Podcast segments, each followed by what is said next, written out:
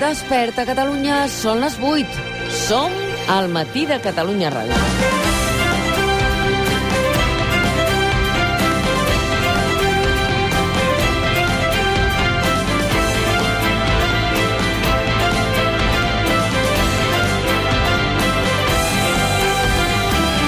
Emmanuel Macron no tindrà un bon dia. Aquesta segona volta de les eleccions locals no li han anat gens bé al seu partit. Li han enviat un missatge, a un que potser li agradarà perquè podrà governar moltes ciutats amb l'ajuda dels Verds, que han guanyat en un munt de ciutats importants, però l'extrema dreta també s'ha enfortit, especialment a la Catalunya Nord. Una victòria a Perpinyà de reagrupament nacional. Louis Aliot serà l'alcalde de la capital de la Catalunya Nord. A París, en canvi, la socialista Ana Hidalgo revalida l'alcaldia i el partit de Macron eh, treu el ventre de pena amb el seu primer ministre, amb Eduard Philippe també es manté com a alcalde de Liapre. Ara us ho explicarem amb Josep Capella.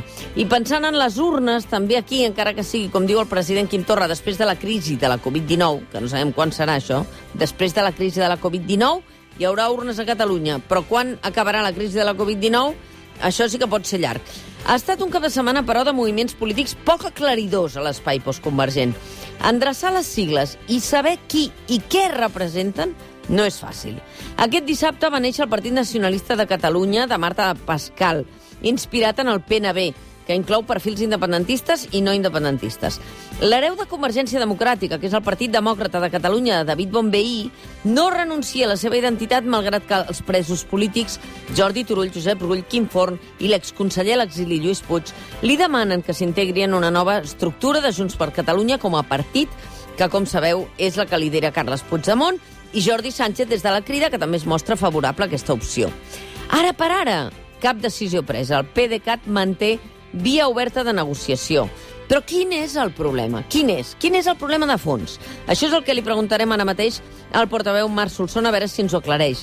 I tampoc no sabem si es presentaran o no les eleccions ni com la Lliga de Street Barri, els convergents de Germà Gordó, el pas endavant que va fer Albert Batlle, que encara no se sap amb quina estructura política...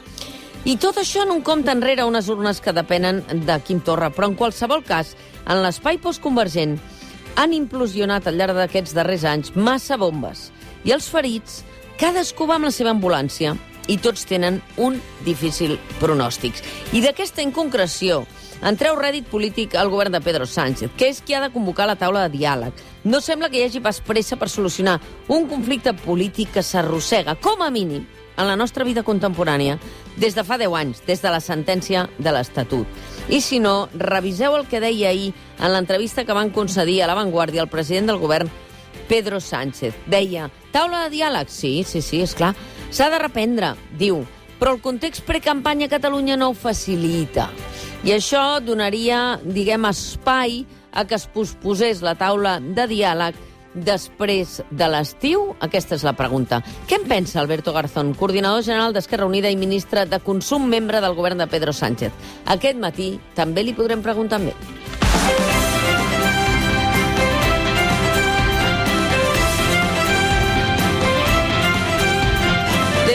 Fins a la una som amb vosaltres perquè passi el que passi, volem que aquest sigui un bon dia. El matí de Catalunya Ràdio, amb Mònica Terribas.